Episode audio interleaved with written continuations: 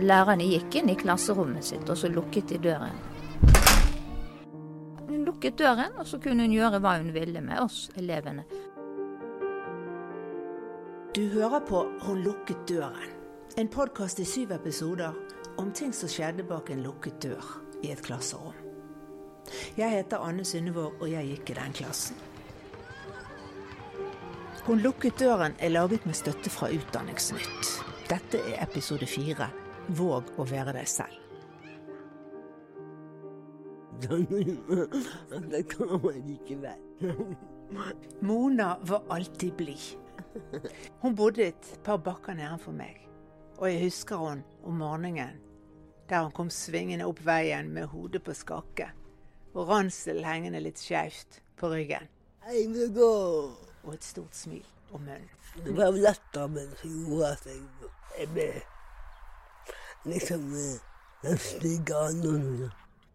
Mona lo mye, og hun mener bestemt at det var det som gjorde at hun følte seg som den stygge andungen. Frøken ringte hjem til moren og klaget over at Mona lo for mye i klassen. Hun ringte hjem til min mor og sladret. Hun sladret på det. Jeg ledd for mye. Og... Du hadde ledd for mye. Det var lettere, men det gjorde at jeg, den stygge anden. Den stygge. Frøken var rett og slett irritert på blide Mona. Jeg husker du alltid var så blid. Ja, jeg var alltid Kom oppover den der, fra den der, den der forretningen der nede på Du, sant, du kom jo opp fra Ja. Nyhavn Ja. og opp i Breiviksveien. Jeg bare ser deg med ransel der, og alltid blid. Litt sånn, Ja, jeg var alltid blid. litt sånn viftende med det- armer og bein. Det, det irriterte hun så at jeg var så blid. Mona var en av de peneste jentene i klassen. Det er hun fortsatt, 60 år etter at vi begynte på skolen. Men på folkeskolen følte Mona seg alt annet enn pen. Følte meg stygg. Og som du hører, Mona var ikke bare blid og vakker. Hun hadde også problemer med å snakke tydelig. Hun slengte litt med armer og bein på skoleveien, og finmotorikken bar preg av at moren hennes hadde en litt for vanskelig fødsel i 1950. Mor fikk for lite hjelp. Og den gangen var ikke det noen erstatning å få heller, sier Mona. I dag sliter hun med senskader av cerebral paresen. Men hun går greit. Og hun har ikke mistet sitt gode humør. Aldeles ikke. Siden sist, og sist det var i 1965, har hun arbeidet mange år på et sykehjem. Hun har vært gift og fått barn og barnebarn som hun er stolt av. Tenker på skolen begge to. De, de driver med idrett. Mona var fem år da hun lærte å gå, men hun ble oppdratt til å glemme at hun var funksjonshemmet. Mona skulle bli selvstendig. Altså, jeg, jeg var oppdratt til ikke å være handikappet. Jeg Dette klarer hun. Dette klarer hun. Klare til Stå, stå på. Jeg kunne gå før jeg var fem år, men eh, men ja, skulle begynne på skole så artig. søsknene mine. For jeg skulle lære meg å være ertet. Og selv om foreldrene var redd for at hun skulle bli ertet da hun begynte på skolen, ett år forsinket, og de eldre søsknene hennes på Jørs ertet hun litt ekstra før skolestart, så hun skulle lære seg å takle mobbing, så kan ikke Mona huske at vi andre i klassen ertet henne. Jeg ble ikke ertet. Det var klasseforstanderen vår gjennom syv år som var problemet.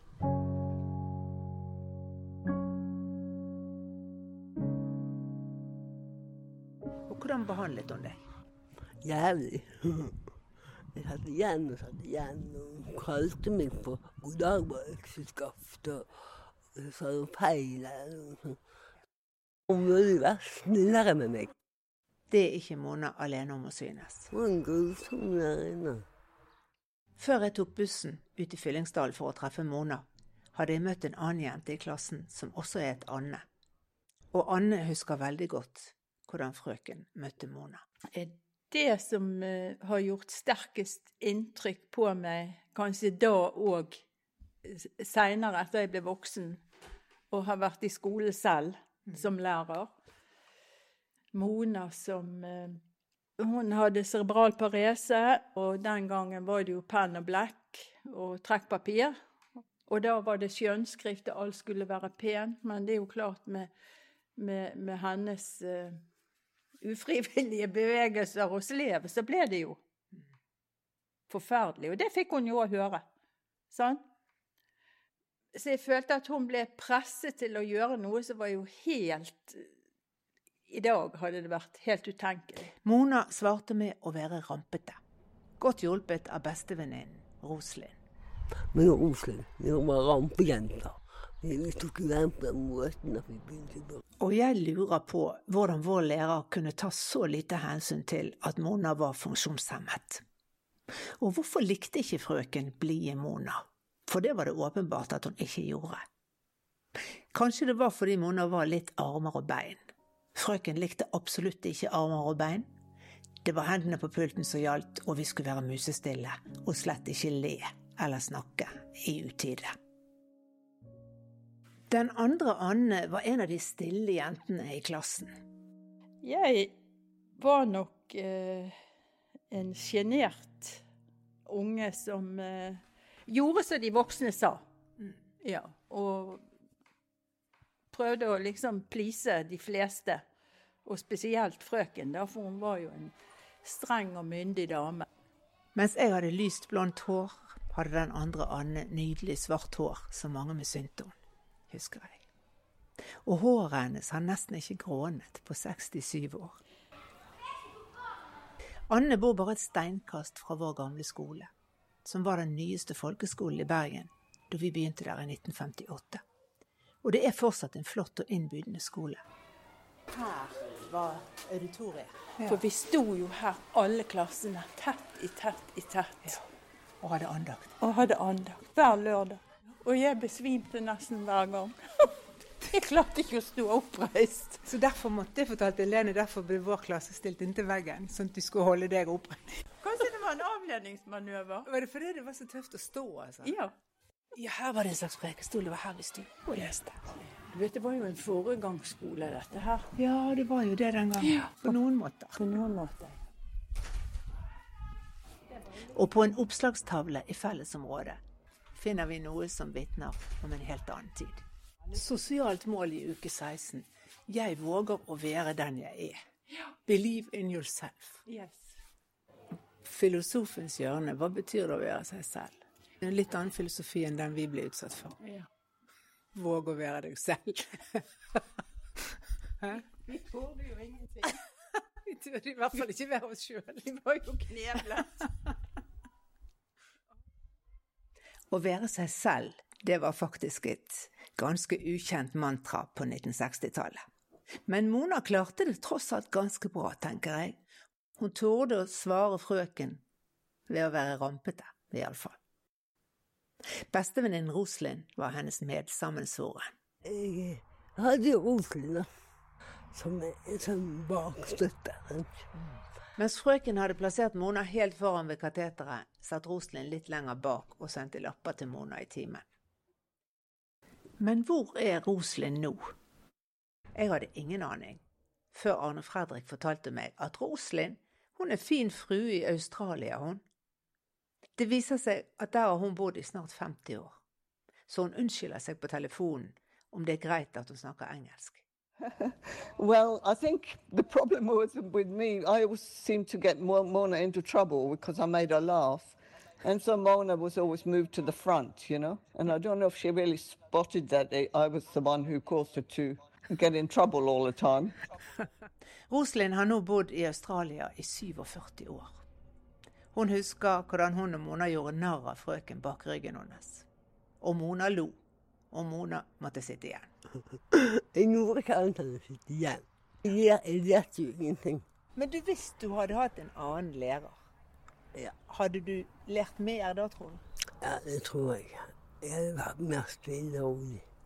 Hvorfor det? Fordi du Hva var det som gjorde at du ble så rolig? Ja, fordi at jeg var, jeg var henne, for jeg måtte alltid sitte foran der.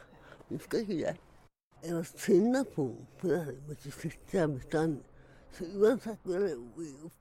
Mona var sint fordi hun måtte sitte på pulten helt foran, rett foran kateteret. Og aldri fikk sitte noe annet sted. Uansett hvordan hun oppførte seg, mener hun. Så derfor trassen og alle rampestrekene.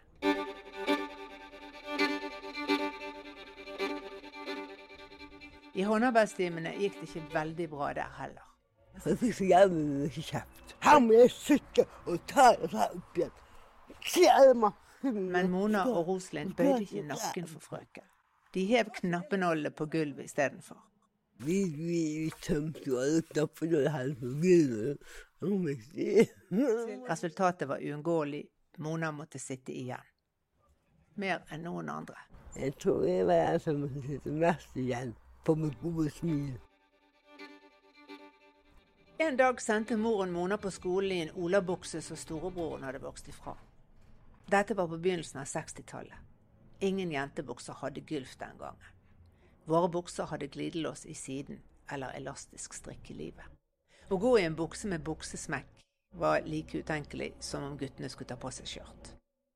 Det problemet løste moren til Mona med å sy igjen gulfen. Men det holdt ikke for vår klasse for standard. Så da Mona kom på skolen i en bukse med en gjensydd gylf, sendte frøken noen sporenstreks hjem igjen fra skolen med beskjed om å bytte bukse. Du skal ikke komme hjem igjen med den buksen. Og Mona tok aldri på seg den buksen igjen. Men jeg nekter å ta på meg buksen igjen.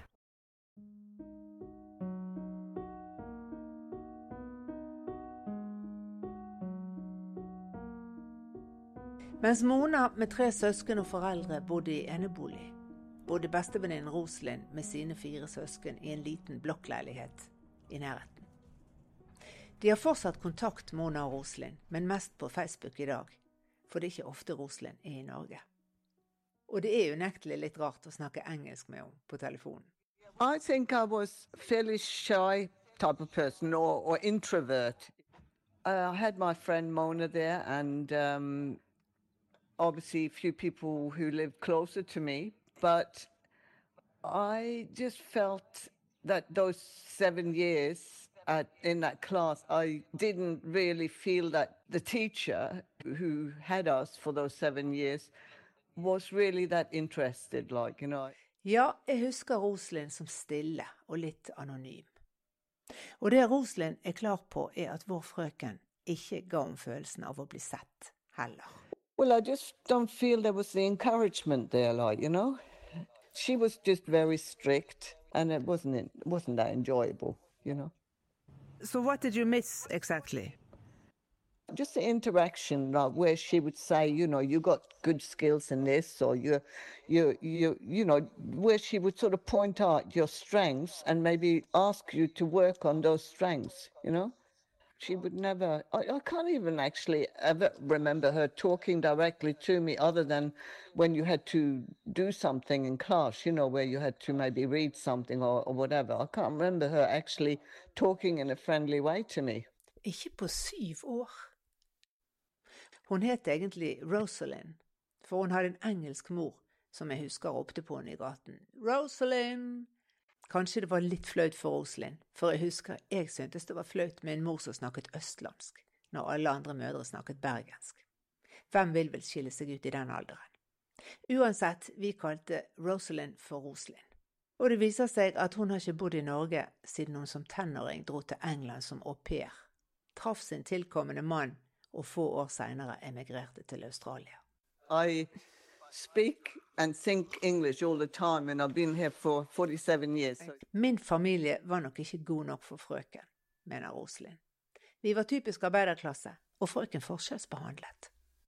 Jeg kan ta feil, sier hun, men sånn som jeg husker det, så favoriserte frøken de i klassen som hadde foreldre med mer penger. I just felt that she ruled with a steel hand, but I didn't feel that she was very fair. I, I felt that she had a little bit of a class, um, what should I say, a, a class type of mind where she looked after people who had a little bit more money. We were very much a working class family, and I think she sort of favored, or e- at least was a little bit more open and with the parents of the people with money. And I didn't didn't feel that included, but at the same time, this is just what you think back on in in your older years. You know, I didn't quite feel that I got on with her.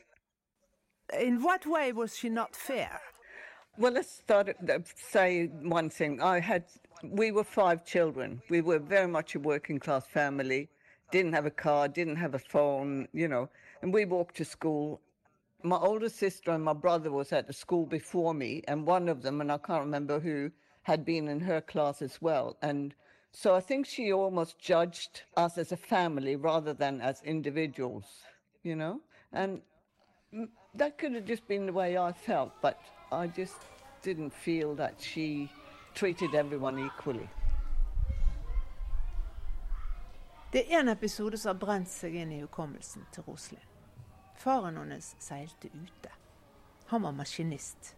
Og en sommer fikk hun, moren og søsknene være med skipet og krysse Atlanteren. He was at the time he was a chief engineer, and we went away with him, three of us kids from my family and my mum, and we went across the Atlantic to partly Canada and and also uh, part of America. And at the same time, an, another classmate also travelled with her dad, who was a captain Oh, yes, uh, on a different ship. Og når sommerferien var over og alle var tilbake på skolen, ba frøken Astrid skrive en stil om sin reise og fortelle til klassen om hva hun hadde opplevd. She was asked to write her story about her trip and relay it to the class when she came back. Vi som aldri hadde vært utenlands, var ikke lite misunnelig på Astrid. Men Roslin, som også hadde reist med faren sin på sjøen i sommerferien, hun ble aldri bedt av frøken om å fortelle om sine opplevelser. nothing was asked of me. So I felt sort of, as, as that sort of young?